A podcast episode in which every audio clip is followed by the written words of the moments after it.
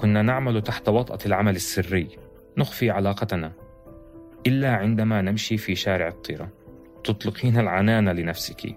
وقلت لي يومها أنت دراما حينها طار صوابي لكن كان الأمر جميلا. أن تدركي أنني حقا كذلك. قلت أكيد هتحبي تسمعي عن بابا وإخواتي بس كفاية عليهم كده. دي الرسالة بتاعتي أنا. هم لو عايزين يقولوا لك حاجة يكتبوها هم ويوصلوها لك بطريقتهم. حبيبتي ريم حبيبتي ها أنا أعود في اليوم التالي. أمسك القلم وأكتب انطباعاتي ومشاعري. الكل نيام ما عدا أحد الأسرى يقرأ ويشرب شيئا ما. بداية. الغرفة تبحر في أحبكما. ثانياً، شكرا على فهمكما الرقيق وتفهمكما لي. سنة غريبة. لا. ولدي حسن أرجو منك إرسال مصريات فليحة وأولادها لأنهم فقراء ويتامى أرجو الإسراع في إرسالهم. يغازلني فأغازله. يداعب خصري فأقدم أذنه اليسرى. هكذا نحل عقدة إلكترا. نحن اللواتي لم نحظى بفرصة أن نسأل آباءنا إن كانوا يودون الزواج منا.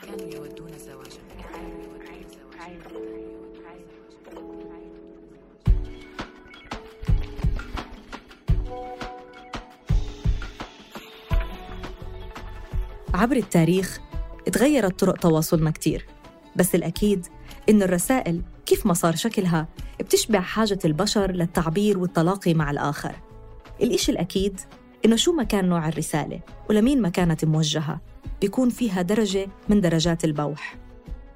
ومع إنه كلمة بوح في المعجم معناها إظهار الشيء وإفشاؤه معنى تقني وبارد لحد كبير إلا إنها كمفردة إلها وقع عاطفي ما ممكن نتجاهله.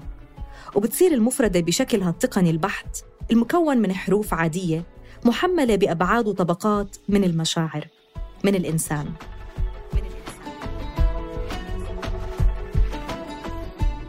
أنا تالا حلاوة من فريق صوت. في هذا الموسم من عيب بننصت لبوحكم من خلال الرسائل. وبنحتفي معكم بإنتاجنا لأكثر من 100 حلقة من عيب على مدار عشر مواسم. استنونا كل يوم ثلاثاء على تطبيقات البودكاست والموسيقى اللي بتفضلوها. وما تنسوا تشتركوا بقناة عيب لتوصلكم تنبيهات الحلقات الجديدة.